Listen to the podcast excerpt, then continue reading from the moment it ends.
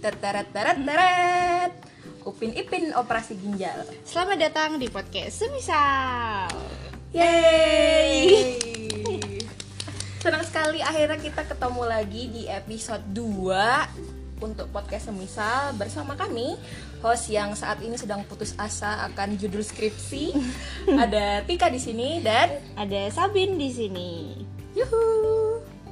Dan kemarin kita sudah banyak menyinggung terkait eh, materi salah satu agen sosialisasi pertama, yaitu teman-teman pasti masih ingat lah tentang eh, Keluarga. keluarga.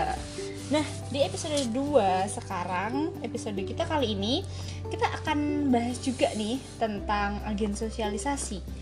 Tapi eh, yang lainnya dan itu nggak kalah penting dalam pembentukan kepribadian kita nih sebagai individu gitu. Apa tuh? yaitu adalah teman sebaya. Ya teman sepermainan gitu. Nah melalui teman sebaya individu ini kita kita ini kan eh, mengalami proses belajar. Itu berupa interaksi satu sama lain gitu. Nah dari situ eh, seorang individu itu dapat menyadari keberagaman karakter individu lain. Karena kan kita eh, punya temen nih ada orang lain di sebelah kita. Kita menyadari dong keberagaman eh, teman kita ini mulai dari fisiknya sifatnya dan sebagainya lah.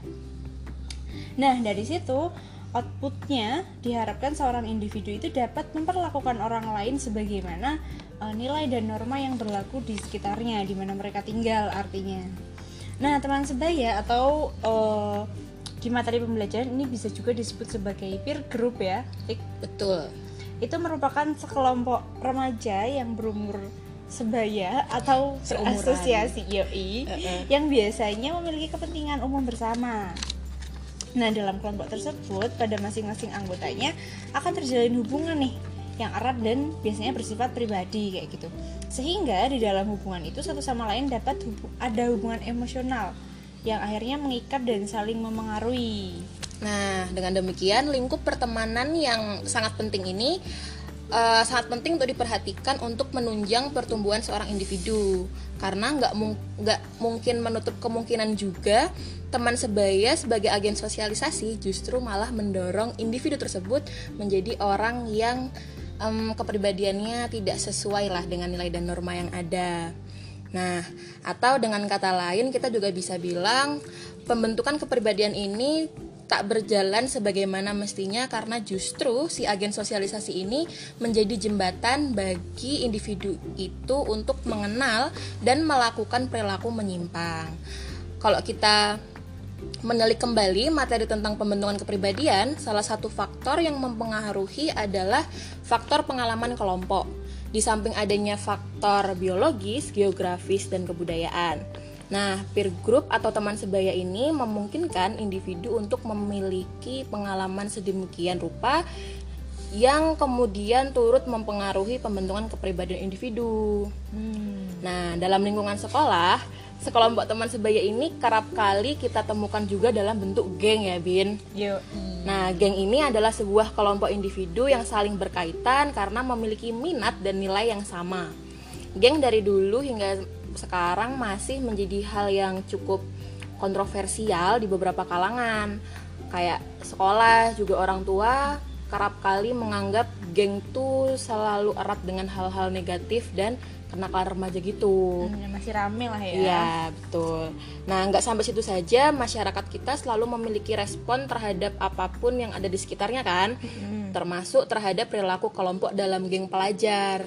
Nah jadi kita akan bahas juga bagaimana respon yang dilakukan masyarakat untuk melakukan pengendalian sosial. Eh, ya secara namanya juga perilaku menyimpang sesuatu yang dianggap nggak sesuai sama aturan hidup masyarakat otomatis masyarakat dominan berupaya dong untuk mengembalikan keadaan seperti sebagaimana mestinya. Nah, eh, dengan begitu yang akan kita bahas hari ini itu eh, materi kelas 10 ya, masih materi kelas 10 tentang agen sosialisasi, perilaku menyimpang dan kemudian ke pengendalian sosialnya kayak gitu.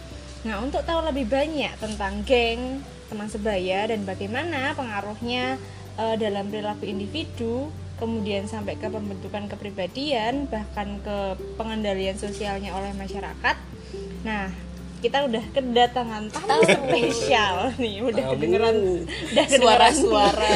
iya nih tawanya. Suara bapak-bapak. Nah, ini ada teman kita namanya Siapa namanya? namanya Ilham. Ya. Salam kenal. Kita ceritanya belum baru baru kenal pas tes podcast ini ya. Baru kenal di ya, jalan. dua menit sebelum ini. Iya, baru eh Mas ketemu di jalan papasan bikin podcast yuk gitu. Padahal podcastnya udah lima menit. Nah, coba Ilham boleh perkenalkan dirinya nih ke teman-teman pendengar kita. Ya, kebetulan kita satu alma mater ya. Iya. Satu instansi gitu. Yuk, Di kampus mana Eh, tuh? Di kampus pendidikan. Di- Universitas di ya itulah. Universitas ya Negeri itulah. ya, salam. Ah, ya, eh, udah disebutin tadi namaku Ilham. Biasa dipanggil Ilhum kalau di luar nih. Kalau di teman-teman yang lain biasanya manggilnya kayak kayak gitu sih. Pas banget.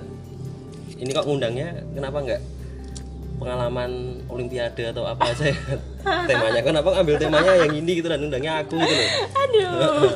Gimana ya? Kayaknya tanpa dijawabin seluruh dunia sudah tahu ya. Dari Ya. suaranya aja udah bisa terdeteksi lah. Ya, kebetulan aku relate nih kalau misalnya mau ngomongin tema tentang agen sosialisasi terutama di lingkungan masyarakat di rumah maupun di agen sosialisasi di sekolah gitu. Oke, udah itu aja Udah itu aja, ah, gitu aja lah. Kirain mau lanjut-lanjut. ini bagi-bagi nomor WhatsApp itu. Iya, siapa tahu ternyata enggak. Oke deh. Eh, Hal, Ah, gimana nih kabarnya? Kesibukannya apa akhir-akhir ini? Mungkin sama kayak kalian ya, mungkin mancing hari ini, Mancing mancing, Mancing keributan. terus ngurusin tanaman gitu. Oke, ya ampun berkebun juga seorang. Ah, Petani urban kota. Yes. Oke. Gitu lah. Sekarang eh, sama mau nyelesain kuliah yang katanya tinggal benar lagi gitu ya. Oh, menuju skripsi Ya, ya. eh, ya, Ya, pengangguran lupakan. terselubung lah. Oke, kita lupakanlah dulu lah judul Ya. skripsi. Oke, kita ngobrol-ngobrol dulu di podcast ini. Nah, jadi kita kan lagi ngomongin soal tahapan dan agen sosialisasi nih, Ah. terutama di masa remaja. Hmm. Nah, sebelum bahas lebih banyak, ceritain dong pertumbuhan seorang Ilham dari kecil sampai remaja dan jadi Ilham yang sekarang tuh kayak gimana? Eh, kebetulan alhamdulillahnya juga eh, aku terlahir di keluarga yang agamis. Oh. Cukup Ini agamis. beneran nggak sih? Beneran, beneran. Oh, iya. Kalau ini aku agak agak agak agak serius lah karena buat Oke. pembelajaran kan ya.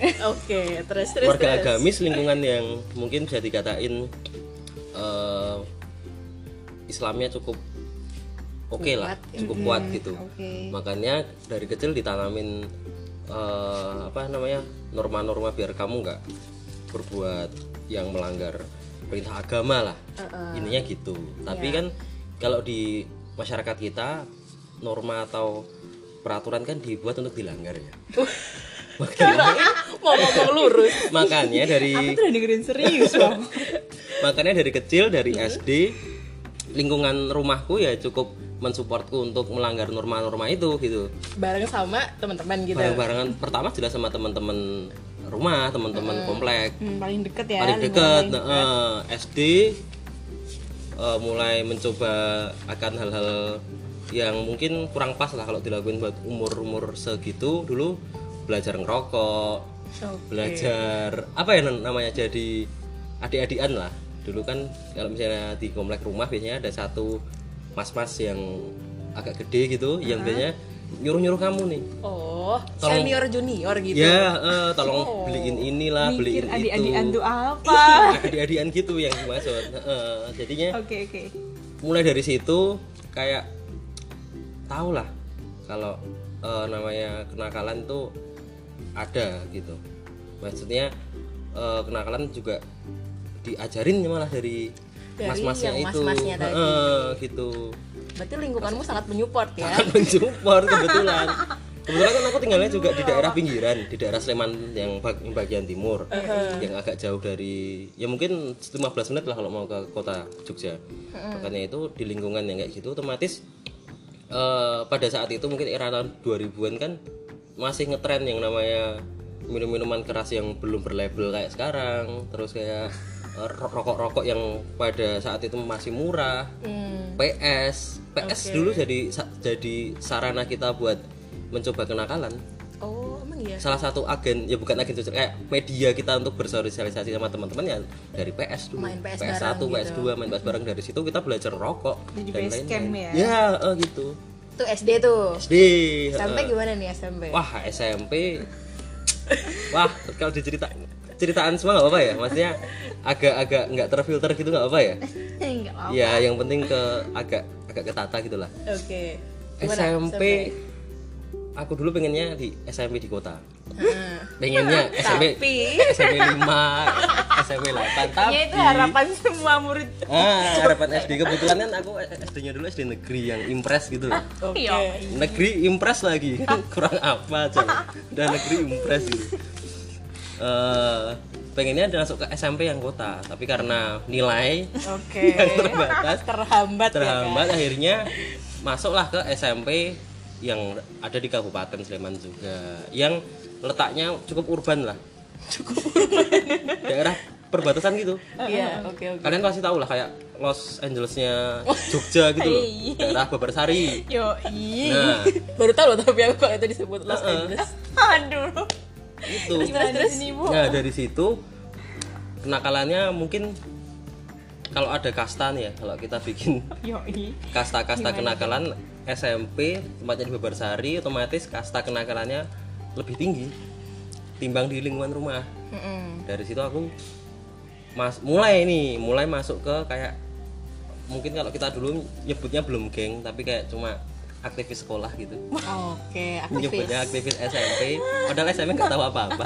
Hanya pelajaran biologi aja dapat lima. Eh, masuk SMP kenal teman-teman yang mungkin lingkungannya agak jauh ya. Jadinya wawasan kenakalannya mulai bertambah itu mulai Karena masuk lebih ya. beragam kan. lebih beragam heeh, dan lebih nambah pengetahuan kita gitu Oke, terus naik ke SMA semakin bertambah lagi. Atau, Atau lebih tiba-tiba sudah sadar gitu. SMA ada fase di mana mau ninggalin hal kayak gitu tapi cuma setahun doang sih kelas Kelas 3 doang 12. kelas 12 doang. soalnya mau ujian. soalnya teman-temannya kayak gitu Oh. jam 9 ikut sholat duha ya udah ikut. Padahal nggak tahu bacaannya. Niat sholat duha aja nggak juga nggak tahu. Yang penting formalitas saja lah ikut Allah Akbar gitu. SMA gitu. Meskipun kalau kita lihat dari skala kenakalan masih sama. Masih ikut geng masih nongkrong. Eh, mungkin kalau SMA tawurannya lebih mikir Eh, kalau Ada strategi-strategi.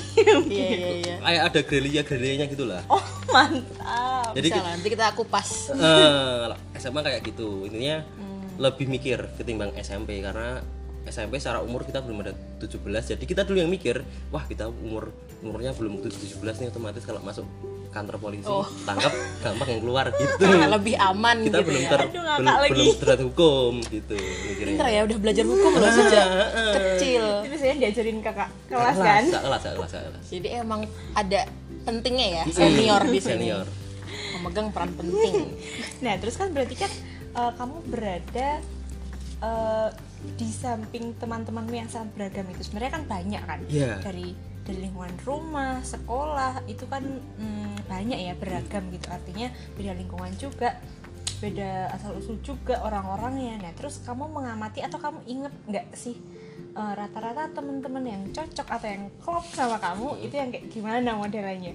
Karena eh, kayak yang kita bahas di awal tadi, teman sebaya kan juga punya peran yang cukup penting atau bisa kita bilang signifikan lah terhadap proses sosialisasi individu bahkan sampai ke pembentukan kepribadian individu itu sendiri. Nah, teman kayak apakah yang punya pengaruh signifikan dalam diri Ilham ini? Kan kita pasti masuk sekolah kita punya banyak pilihan Iya. teman dong. Heeh, ya mau kan? yang seperti Oh, apa. seperti apa Iya. gitu nah ini mungkin kalau aku mikir dulu nih ini kayak jelekku gitu ya sifat sifat sifat jelekku jadi dulu kalau aku SMP kalau lihat temen kita mau nyoba ngobrol sama temen itu lihat dari fisiknya dulu Yang dari apa luar nih? pas Fisik pas oke pas mulai masuk SMP baru kita oh cocok nih karena kita pakai eh, mungkin pas itu kan yang ngetren mulai dari persepatuan ya Oh, fashion. fashion Oh, Iya, Oke. fisik. dari Iya, iya, dari fisik dulu kita Iya. lihat oh ya kalau ke sekolah mending nih dia udah pakai fans misal Oh, Masya Allah.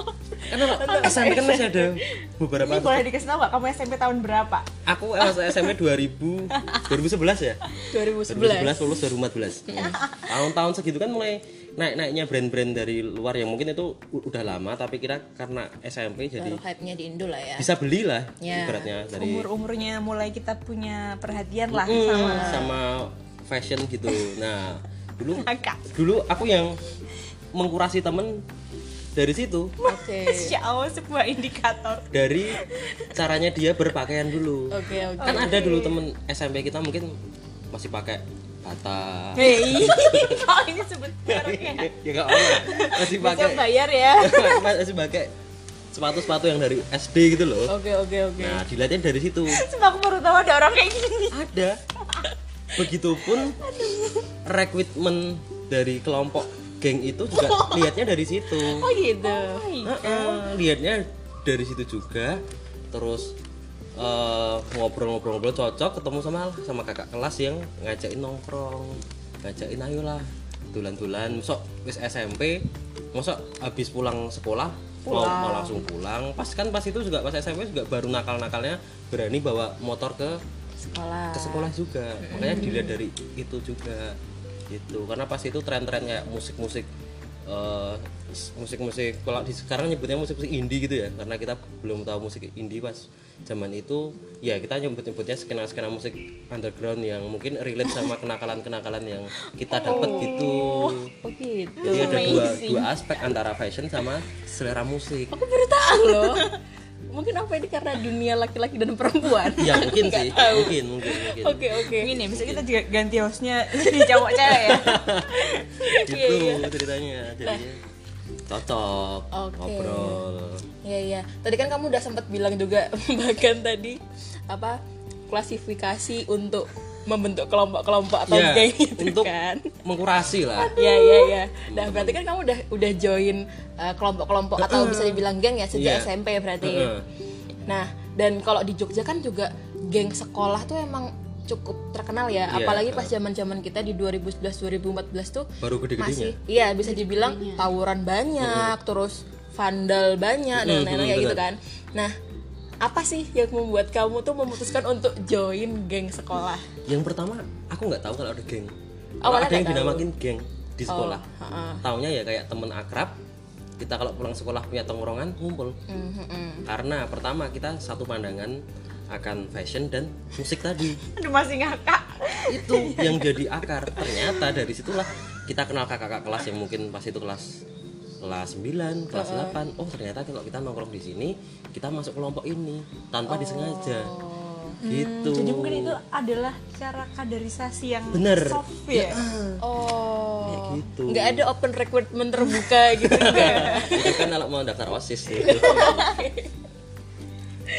Jadi apa alasannya adalah untuk kamu ya cari temen Cari yang temen. se se sefrekuensi lah ya. Sebenarnya sama kayak kalau kita PDKT sama orang sih, kita pasti cocok pasti bener. tahu pasti nyari apa ya kesamaan yang ada aku sama doi ini gitu. minimal Wajar kalau sih biar sebenarnya. ngobrol cocok biar ada bahasan benar gitu harus ada doang. kesamaan emang.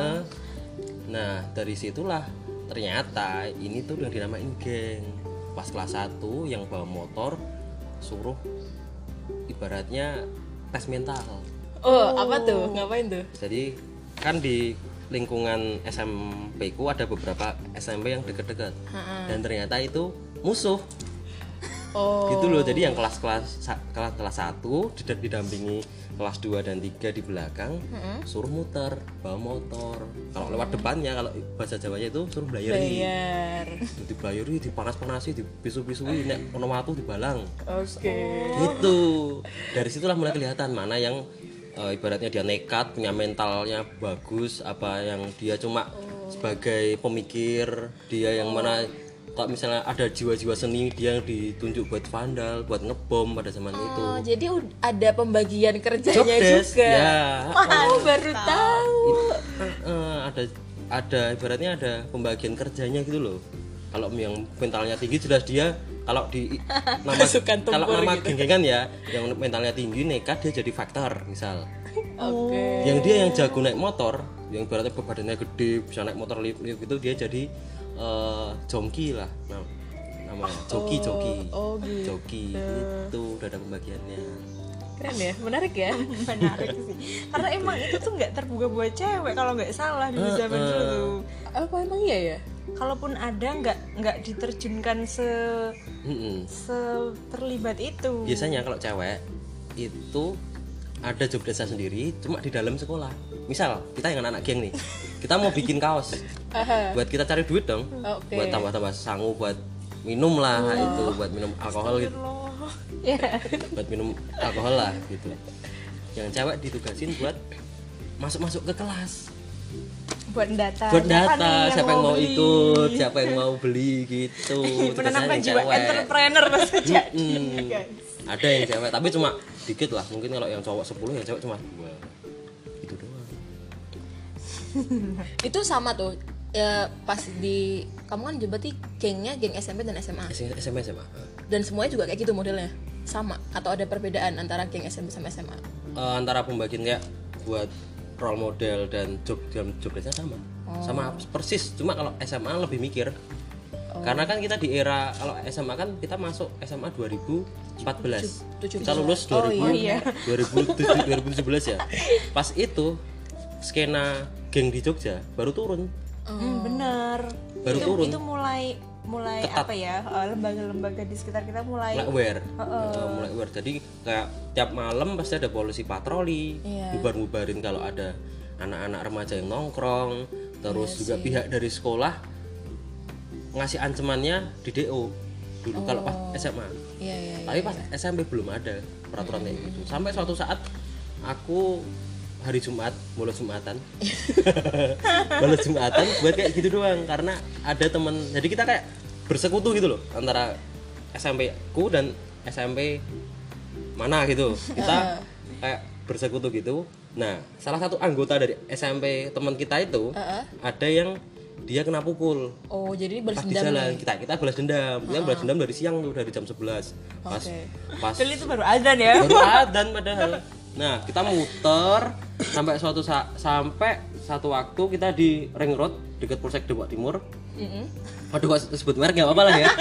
Gak apa lah gak apa Gak apa orang gak tau kalau di Jogja apa. De- de- deket-deket jalan. Jogja nggak tentang angkringan aja ya, cuma tentang romantisasi Iya, gitu ya. iya betul.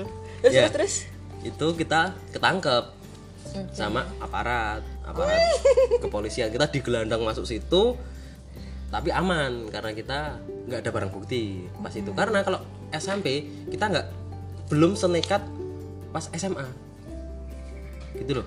Ma- maksudnya gini pas SMP oke lah kita kita berani tapi ya bener-bener berani tangan kosong. Kalau SMA mungkin udah kayak dibekali senjata tajam dan lain-lain. Udah naik levelnya lah ya Ah. ada levelnya berarti. Iya, oke oke oke. Sampai kayak gitu dulu. Dan itu ketangkap aparat tapi aman, kita bisa keluar lagi. karena sih. masih muda Karena masih ya masih anak-anak kecil masih ibaratnya waktu itu umurnya berapa ya? 15 tahun apa? iya sih Apa berapa gitu lah. 15 16 lah 15 16 kan jadi wah bisa bocil-bocil. Kalau kita sekarang lihat ya, kita sekarang lihat anak SMP yang belajar naik motor kan kayak saya cah cilik ngopon numpak motor. Ya mungkin mindsetnya orang dewasa banget itu kalau lihat kita juga kayak gitu kan? Masih Masih jauh lah. jauh banget nah, panjang jalan masih jalan hidupnya masih lama lah numpak motor sih jinjet kan? Wagu. KLX ya nih oh kalau pas itu kita trennya masih Satria FU jengking gitu ya Kak? 2011 masih Satria FU baru masuk tren-tren KLX mungkin 2013 2014 SMA ya? SMA mantap. Kalau nggak salah tuh mulai surut juga kak salah satu tandanya tuh ini bed bed SMA Oh, diganti Mm-mm, pelajar. pelajar kota Yogyakarta Ah. doang. Jadi menyembunyikan identitas, Identitas. siswanya biar gak bentrok kalau Nah, papasan di jalan. ngomongin tentang seragam dulu soalnya emang seragam itu jadi salah satu indikator kalau itu musuh. Oh iya ya, untuk titenan ya? Biasanya hari Jumat Sabtu. Oh iya benar karena kalau hari dari Jumat Sabtu kan ada beberapa SMP SMA yang dia punya pakainya batik apa ser- seragam identitas gitu loh. Jadi Iya, gampang. iya, iya. Mm-mm. seragam ya yang kalau wah lihat wah baju guru kita SMP kono. Doyak gitu.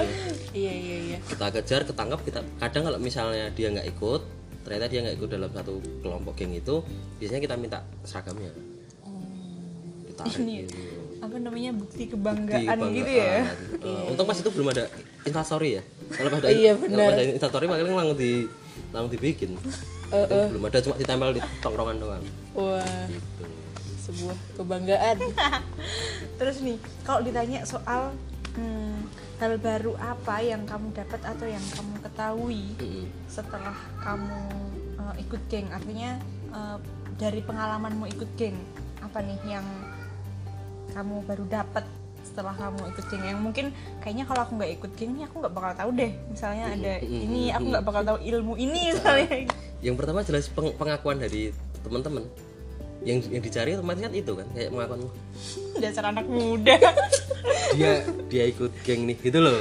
Wah keren nih keren. itu ya. cuma mindset kita tapi kalau orang lain mungkin mindsetnya norak kan.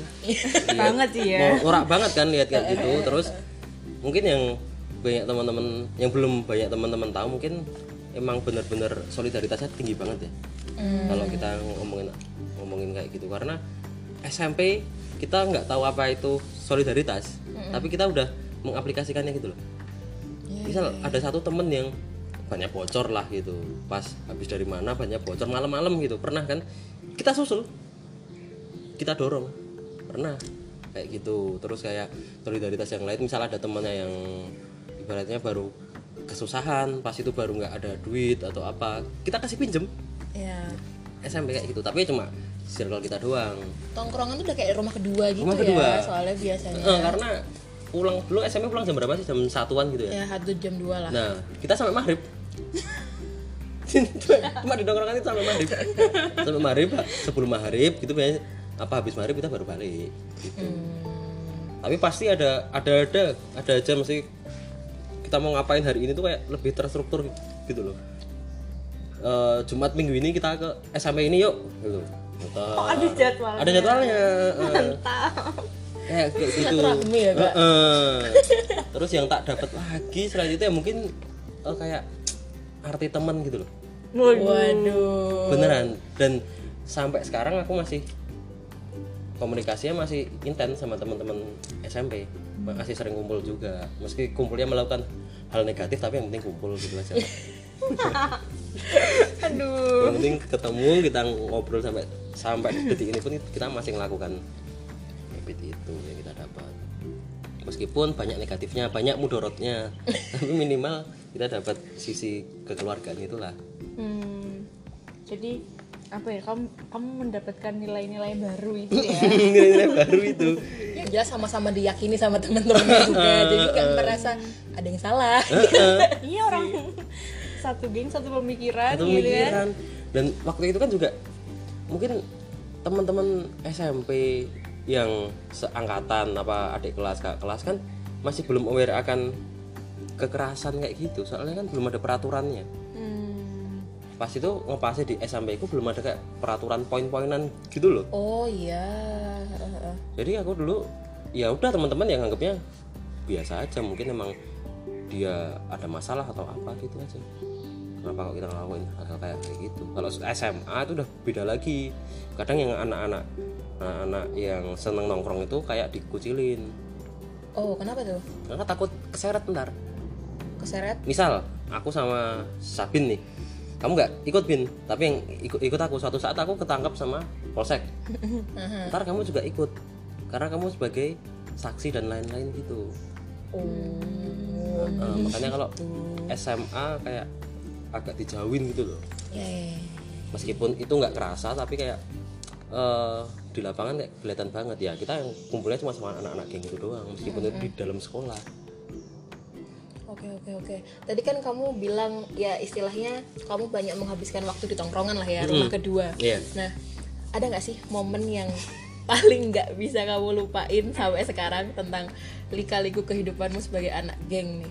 ya itu tadi yang jelas kita pernah ketangkap polisi itu tadi Itu ya. itu yang paling nggak dilupain itu berapa kali sih SMP aku sekali Sama? ketangkap SMA sekali tapi bukan karena geng bukan karena urusan eh, kita mau melakukan tawuran gitu nggak? Kalau SMA emang pasin pas itu ada apesnya kita kurang mungkin kurang sholat ya itu ya? Jadi udah serius. Kurang Masya Allah. kurang kurang berdoa pas apes juga kita baru bawa miras. Kita baru baru bawa miras ya teman-teman SMA terus kayak digeledah gitu. Itu siang-siang gitu? Itu Enggak, razia. malam.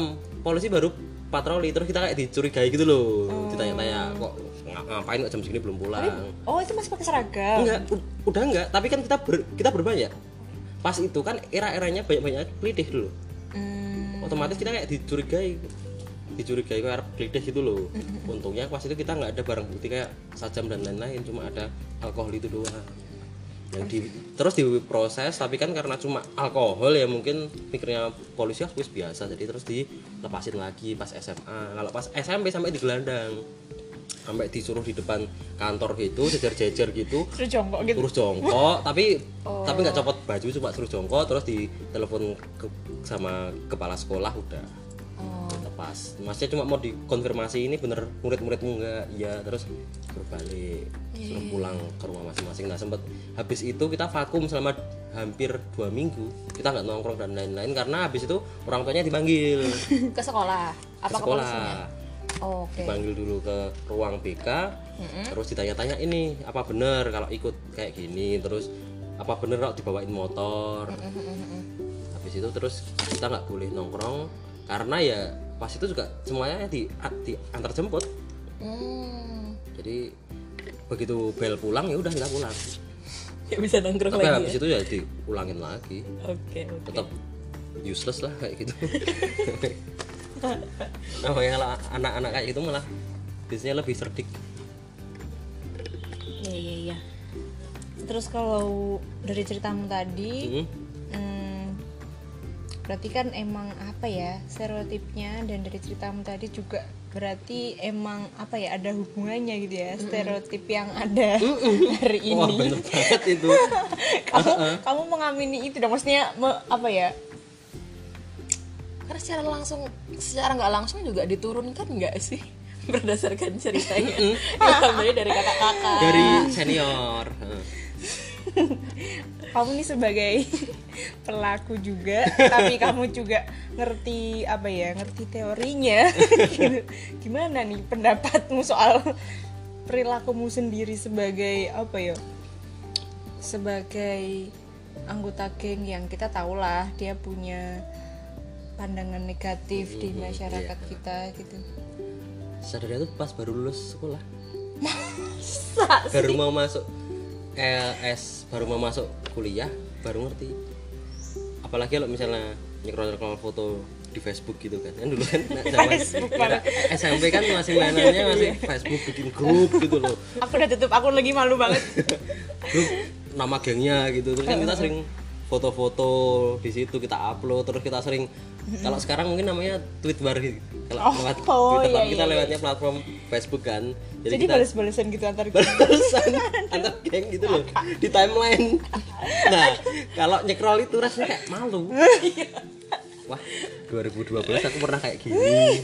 Gitu loh 2013 pernah kayak gini. Ya mungkin sekarang kita pikirin mak ya mungkin ma- ada sisi malunya tapi mengamini juga ada stereotip bahwanya anak geng itu negatif terus ya jangan sampai ditiru jangan diturunin karena itu sebenarnya melanggengkan senioritas di instansi-instansi se- sekolah gitu sebenarnya. Kadang muara senioritas dari geng itu karena aku SMA rekrutmen gengnya itu senioritas banget. Jadi anak kelas 1 anak kelas 10 masuk biasanya suruh berantem. Oh. Milih. Oh ini Iya, battle sparring ya? Sparring. sparring, iya bener. milih. Mau sama kak kelas apa temen seangkatan. Waduh. Gitu itu kan kan senioritas banget. Iya iya iya. Ada temanku anak SMA yang sekarang juga ikut geng tapi dulu kan mungkin dia SMP-nya kayak di pondok atau apa gitu ya jadi dia nggak kenal kayak gitu kaget. Dia sempat nggak berani masuk sekolah. culture shock gitu Heeh. ya Di- ada apa nih dikumpulin terus ternyata suruh berantem kan kaget nah bagusnya sekarang di pendidikan di Jogja kan udah memotong tren-tren geng kayak gitu. Jadinya ya semoga tambah membaik biar nggak kayak dulu lagi. Karena dulu beneran setakut itu kalau pulang sekolah kita nggak bawa jaket. Oh karena nanti ketahuan ya ketahuan heeh. Sebet- apalagi kalau pulang pulang sekolah pas zaman SMA aku ngelewatin dua sekolah yang notabene itu musuh biar rumah di rumah. Iya kayak gitu. Makanya itu ya mengamini banget yang dinamain kalau geng-gengan itu pasti melakukan hal-hal neg- negatif. Tapi aku jadi penasaran deh soal musuh. Kalian tuh punya daftar musuh gitu loh kalau nah itu geng. juga diturunin dari kakak kelas. Oh gitu? Heeh. walaupun kadang alasannya nggak ada alasan yang jelas gitu nggak ada alasannya jelas tapi karena kita udah kemancing emosi ya udah ikut ikut emosi aja gitu loh. Oh. ya cuma turunan misal SMA aku sama SMA nya Sabin musuh bebuyutan jelas. Besok pokoknya ono cah kene lewat apa apa doya gitu. Open recruitment pertama pas kita udah keterima tuh suruh muter. Beberapa sekolah yang ada di Sleman Timur. Kita suruh muter tuh suruh nyari. Pokoknya sampai ke sampai kedaden. Istilahnya sampai kejadian beneran tawuran gitu. Pas SMA jadi musuh ya cuma dari kakak kelas aja. Gitu loh. Oke yang diturun-turunin turunin terus sampai nggak sampai nggak tahu kapan. Sampai tren gangster itu hilang mungkin baru baru bisa berdamai. Oke. Tadi kan kamu bilang kalau eh, ya cukup mengamini lah ya. mengamini banget. kalau kalau geng itu eh, selalu melakukan hal-hal negatif kayak gitu. Nah, se- sejauh ini kan kita cuma ngomongin eh, kenakalan remaja nih. Lah, yang kamu lakukan sama gengmu itu kenakalan remajanya apa aja sih? Maksudnya yang benar-benar apa ya? Kok tawuran kan tadi kamu iya ya. ah, ah. Terus apa lagi tuh? selain itu ada nggak Eh, eh.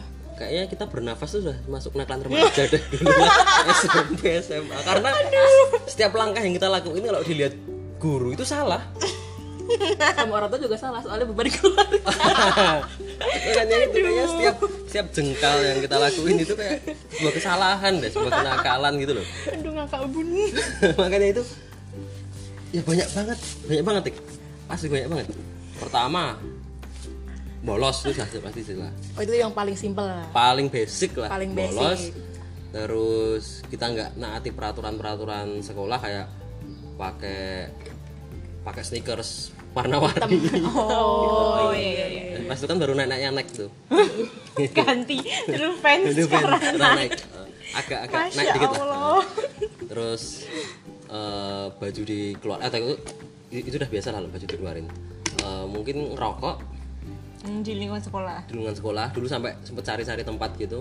Kayak ada ruang yang udah nggak kepake di gudang belakang yang nggak terjamah guru. Ya kita biasanya ngerokok di rokok rokok di situ terus ke pasi misal ada event apa di eh, eh, SMA kita konsumsi al- alkohol gitu. Tapi sini nggak ada anaknya yang BNN kan? Nggak ada kan? Ya ada lah satu dua yang waktu itu karena mungkin ingin coba-coba kita nggunain drugs. Oh sampai, sampai ke habis situ. ini rekamannya kita kasih. Ada yang untung ada yang yang PNN di sini. dan itu semua dilakuin belajar dari kakak kelas. Enggak, kalau misalnya kenakalan kenakalan yang kayak drugs terus ngerokok minum biasanya emang udah bawaan. Bawaan dari lingkungan dari masing-masing. SMP ha. Oh. Bawaan dari SMP emang udah kenal kayak gitu ya ya di situ kayak tinggal membudidayakan aja sih. Awalnya kita kayak lagi. udah ada bibit-bibit yang tinggal dibudidayain gitu lama-lama meluas meluas meluas semua pakai lama-lama pakai semua. Tapi itu bener ada temanku satu dulu yang nggak minum yang nggak ngerokok anti kayak gitu. Tapi karena kenal dan lingkungannya kayak gitu semua awalnya ingin cuma pengen co- coba-coba nih beneran terjun. Tapi ada juga yang dia emang dari awal dia ikut geng karena cuma ingin berteman doang. Cuma ingin memperluas relasi gitu. Ya dia juga nggak terpengaruh. Karena balik lagi ke diri dia masing-masing. Mungkin bisa jadi karena tadi kamu juga sempat bilang soal pengakuan ya. Mm-mm. karena zaman kita sekolah dulu emang kayaknya pengakuan itu sangat penting. banget. karena kalau nggak diakui di kayak usia kayak gitu kan usia usia SMA. transisi ya. Agak takut gak punya temen gitu-gitu ya apalagi biar di aku sampai dulu bin SMA di Jogja pernah ada akun pelajar hits tau nggak tahu tahu kan? jijik banget nggak sampai kayak ada satu dua orang yang kayak di angkatannya kita yang nggak Heeh. jelas. kayak kenal gitu kenal, heeh. semua sekolah. Terus upload foto di IG di tag pelajar hits Jogja pelajar kalau- ganteng gitu. Iya. opo gitu loh. Oh bener opo banget kalau gitu masuk loh situ tuh kayak kebanggaan Ah, gitu ah, loh keba- kebanggaan banget. Kakak nah mungkin itu salah satu bentuk pengakuan pengakuan inget gitu loh. lagi. sampai sekarang kayak itu ya? Aku nggak tahu lagi nggak pernah ngikutin lagi. Itu yang pernah tak- ya itu salah satu bentuk contoh aja sih yang kita tuh kayak haus akan pengakuan. Apalagi di usia kita kan kita eh, internet udah ada Mm. media Iya. sosial kita punya jaringan yang bisa lebih luas. Hmm. mantap ya. Ternyata. Sih. Tapi berarti valid ya materi kita soal agen sosialisasi. Selain dia enggak, dia emang bisa me, apa ya men, mentransfer atau menginternalisasi suatu nilai atau aturan dari satu individu ke individu lain eh, baik yang itu sesuai sama aturan atau enggak. Tadi Ilham Iya. juga sempat cerita sebenarnya temennya ada yang sama sekali nggak pernah Nggak gitu. pernah, heeh. terus akhirnya ikut-ikutan juga. Eh. karena ini media eh apa namanya teman sebaya ini jadi media dia kenal tahu dan akhirnya melakukan Ya, dan dia nggak dapat dari lingkungan mana pun gitu, nggak Iya. dapat dari keluarga, pasti dong, Iya. Iya kan?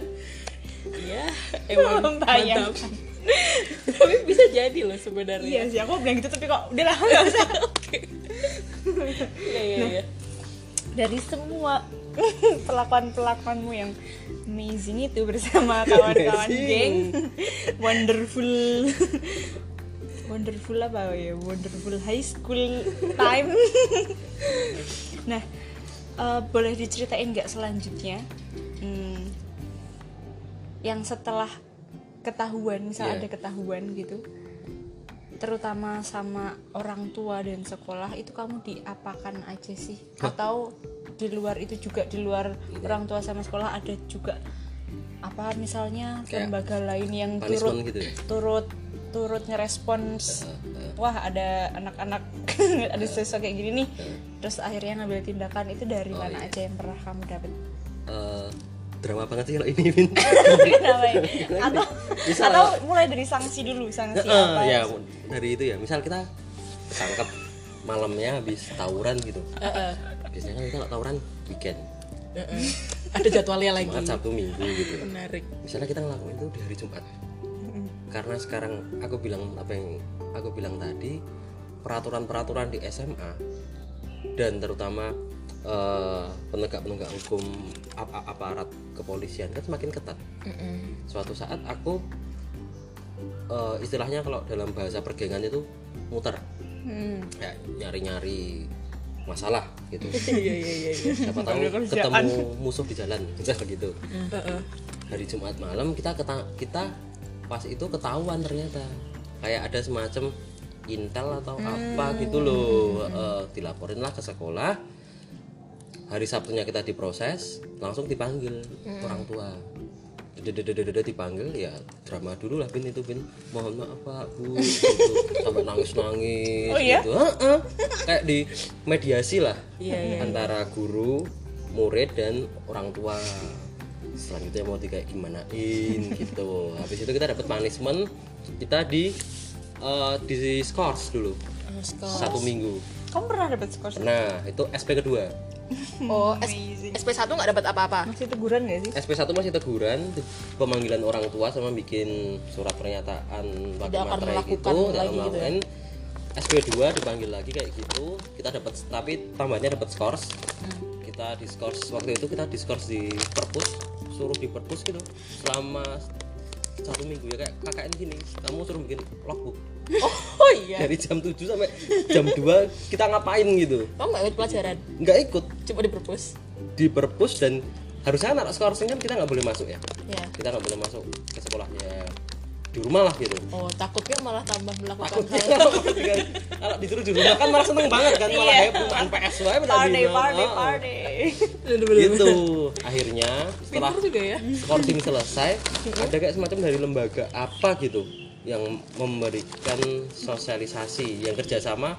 Waktu itu ada kayak organisasi di sekolah kayak satgas anti narkoba gitu, Oh, gitu loh. Iya, iya, iya. di SMA gitu. Ada lah kayak gitu terus dia ngas itu kesehatan reproduksi deh. Eh, tapi kayaknya jadi narkobanya juga coy. beda deh kayaknya beda ya? beda beda beda. Maaf. nah dari dinas apa gitu dari Sleman datang ngasih sosialisasi ke perwakilan tiap-tiap kelas. Mungkin follow upnya lebih ke situ selain di bagian hukum. Kalau yang di kalau yang hukum jelas.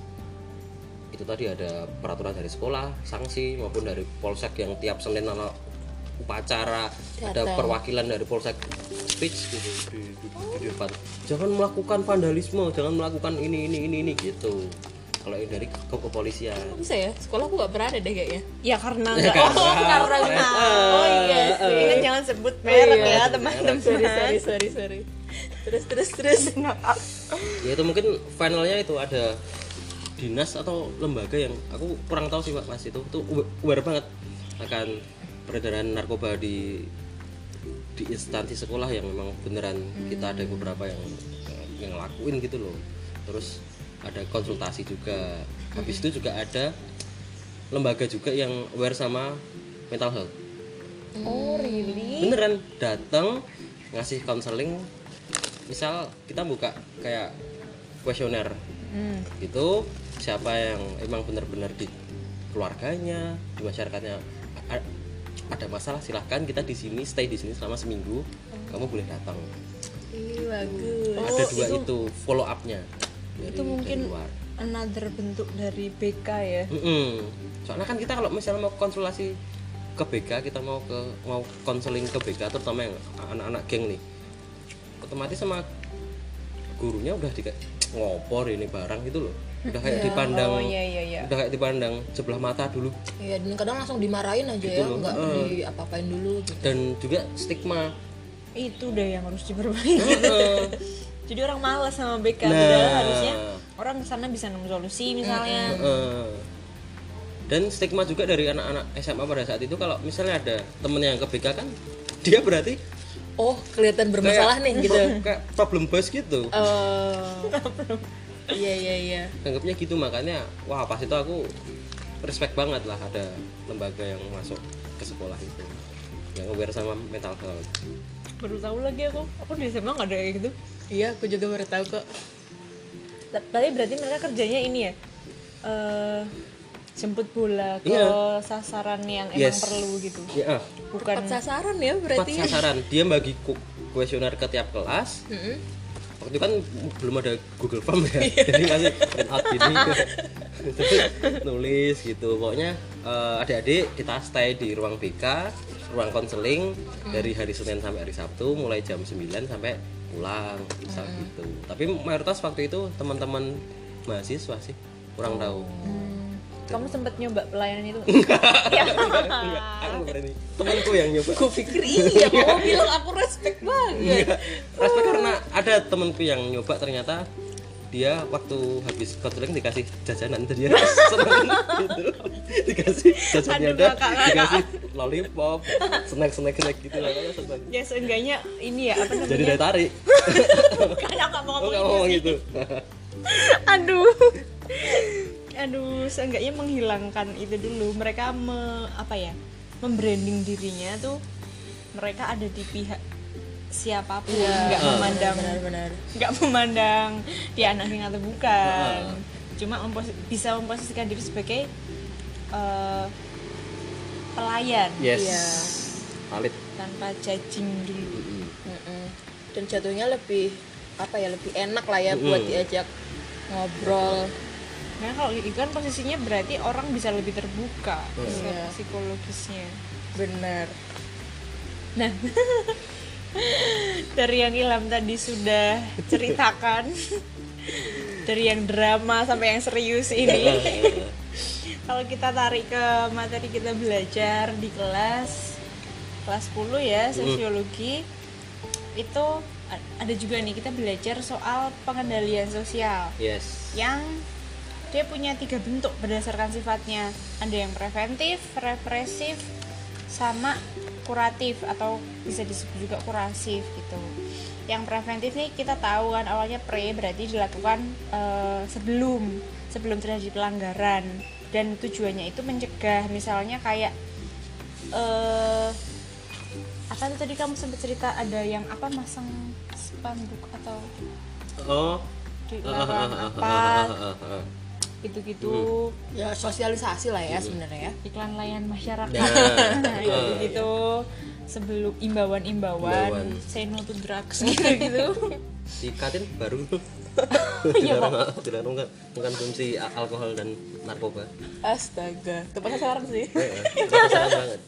Iya sih. Terus yang kedua ada juga tuh pengendalian sosial represif. Itu usaha yang dilakukan eh, ketika pelanggarannya terjadi dan ditujukan untuk memulihkan keadaan seperti sedia kala. Karena ya namanya perilaku menyimpang otomatis responsnya masyarakat eh, pingin mengembalikan kondisi yang berarti kan itu di luar line Hmm, terus ini dilakukan dengan cara menjatuhkan sanksi kayak Iya. gitu. Misalnya tadi Ilham di skorsing orang tuanya.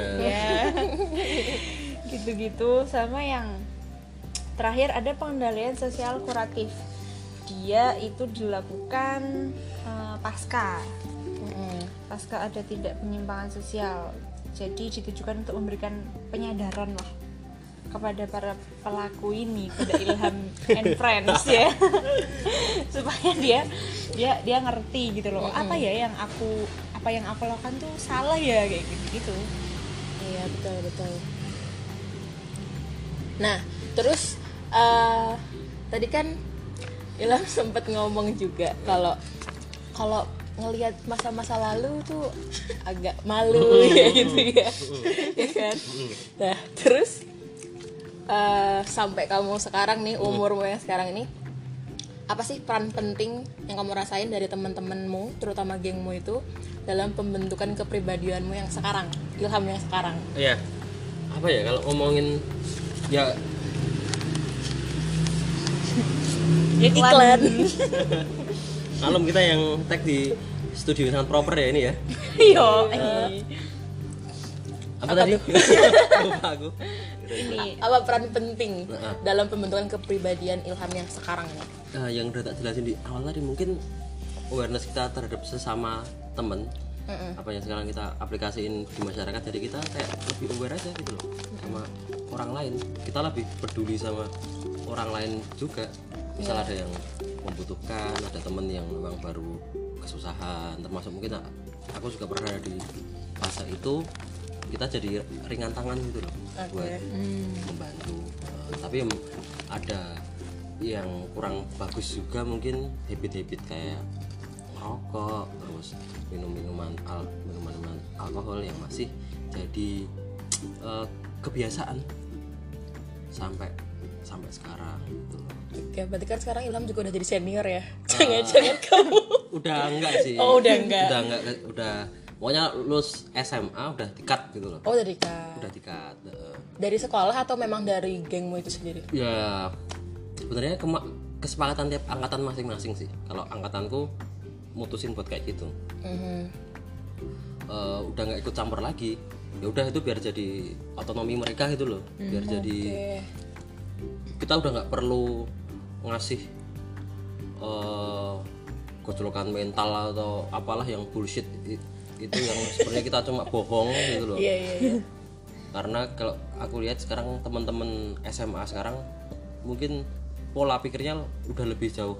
Oke timbang kita dulu. Karena sekarang kalau mau belajar kan gampang kan? Iya, ada Tinggal buka internet. gadget aja udah oke gitu loh. Jadi pilihan mereka mau ngelakuin apa tapi yang pasti eh, kita nggak memutus tali pertemanan jadi sama angkatan-angkatan bawah kita juga masih sering komunikasi sering kumpul juga gitu Iya, berarti pentingnya solidaritas, Solidaritas dan lah, juga heeh. apa ya berteman gitu berteman ya. kan dari nggak Sar- Cie cie. Gitu harusnya kamu. Enggak enggak lucu soalnya. soalnya baru serius. Iya. karena eh, ketika seseorang tergabung dalam geng dia itu kan apa ya dia punya interaksi yang intens sama teman-temannya. Maksudnya Iya. eh, ada hubungan dengan orang lain yang itu relatif besar ya luma- lumayan banyak gitu. Beda lagi eh, misalnya ketika seseorang itu nggak nggak pernah mm, punya pengalaman interaksi dengan eh, apa ya lingkungan yang lumayan besar gitu aku kira pengalaman-pengalaman soal eh, empati Iya. gitu-gitu Hmm. eh, mungkin malah nggak agak, didapatkan agak gitu ya. heeh. karena nggak mengalami hal-hal yang berkaitan dengan itu gitu ya. Mm, nggak ada pengalamannya bahkan kalau lucunya sekarang misal eh, aku sama si B. Mm-mm. yang sekarang jadi teman deket misal. Ternyata dulu pas SMA kita pernah tawuran gitu loh. Pernah. Pernah. Musuhan dulu. Tapi pas eh, ketemu di instansi misal ketemu di kampus saya ternyata jadi temen. Jadi teman akrab jadi eh, akrab juga sama teman-temannya dia yang lain gitu loh yang notabene kita dulu Mantan musuh. musuh gitu loh malah jadi akrab lama ada juga kayak ya. gitu. Jadinya circle pertemanannya jadi agak agak lebih gede dari situ. Pasti itu akan mendatangkan manfaat juga ya ke depannya insya Allah. cerita cerita lucu sih ya aduh ngakak lagi. Terus mungkin ini akan jadi pertanyaan terakhir sih. Kita namanya juga podcast misal ya. Kita ngajak ngajak teman kita yang hadir untuk bermisal-misal berandai-andai yoi ini em, tentang geng. Hmm, aku mau menanyakan kepada Ilham hmm. misalnya misalnya banget nih kamu dan gengmu nih hmm, saat saat saat ini atau berarti saat itu ya saat waktu kamu masih aktif itu Hmm? eh, kalian nih diberi punya kesempatan untuk punya kekuasaan penuh di satu wilayah. Waduh. Yang sangat besar lah pokoknya kamu bisa kamu bisa ngapa-ngapain gitu loh. Nah apa yang akan kamu lakukan? Saya- ya, kalau kita dikasih wewenang untuk apa kekuasaan untuk mengatur sebuah wilayah gitu Mm-mm, kamu punya power nih. Waduh. Berandai-andai ya? Yoi. Bersama geng-gengmu nih. Asik Eh, aku sekarang baru tertarik sama itu sih. Karena pandemi ini banyak banget eh, kayak usaha-usaha kecil-kecilan kayak UMKM yang baru naik. Terus kreativitas kreativitas anak muda atau ma- masyarakat yang sekarang baru muncul karena eh, adanya pandemi ini aku pengen sih kayak mensinkronkan antara kebijakan pemerintah atau misalnya kebijakanku yang baru berkuasa itu biar mereka bisa bisa lebih hidup gitu loh. Biar nggak dinaungi biar nggak cuma korporat-korporat besar aja yang semakin berkembang tapi usaha-usaha kecil UMKM terus seniman seniman seniman yang eh, sekarang merambah banyak tempat ba- banyak cabang bisa semakin ter eh, terswadai ter apa ya ter terakomodir. Nah terakomodir gitulah intinya Iya sih di geng juga banyak kok sebenarnya bibit-bibit Iya. bibit-bibit seniman bibit-bibit pebisnis ya jualan. Beneran itu beneran. kan banyak. Pengennya kayak cuma pengen kayak gitu aja sih biar terutama fak- eh, sektor ekonomi lebih eh, lebih sejahtera dengan adanya mereka yang saling menghidupi gitu. Ada satu eh, apa ya namanya kayak movement gitu dari Erik Erik Sukamti yang tagline-nya ngelarisi konco dewi. Oh. Jadi misal ada temennya yang usaha sedang kesusahan ya kita bantu gitu. Oke itu. menarik nih. Menarik ya. Apakah akan terjadi? Pemberdayaan melalui geng ya namanya juga memisal-misalkan. Memisal-misalkan. menarik gue iya. Oke tadi kita udah ngobrol banyak banget sama Ilham berdasarkan cerita Ilham tadi kita bisa tahu ya bahwa teman sebaya tuh sebenarnya memiliki peran yang sangat-sangat dominan kayak gitu. Nah dalam proses sosialisasi teman dapat mengisi kekosongan peran yang nggak didapatkan dari keluarga. Dalam teman sebaya ini seorang individu akan merasa lebih mudah untuk berbagi pikiran perasaan soalnya mereka punya kedekatan emosional dan tingkat kedewasaan yang sama. Sehingga sangat wajar apabila kepribadian individu itu dalam suatu lingkup pertemanan akan saling mempengaruhi satu sama lain dan secara sosiologis juga eh, geng itu kan bisa kita artikan sama dengan klik sesuatu Ya. yang disebut klik. Di mana sekelompok remaja ini memiliki kesamaan minat sama tujuan.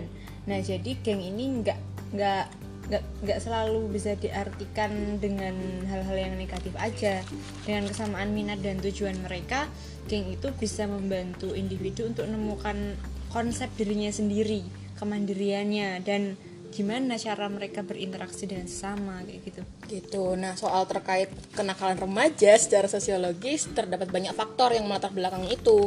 Lingkungan per- lingkungan pertemanan tidak se- lingkungan pertemanan yang tidak sehat itu bukan satu-satunya faktor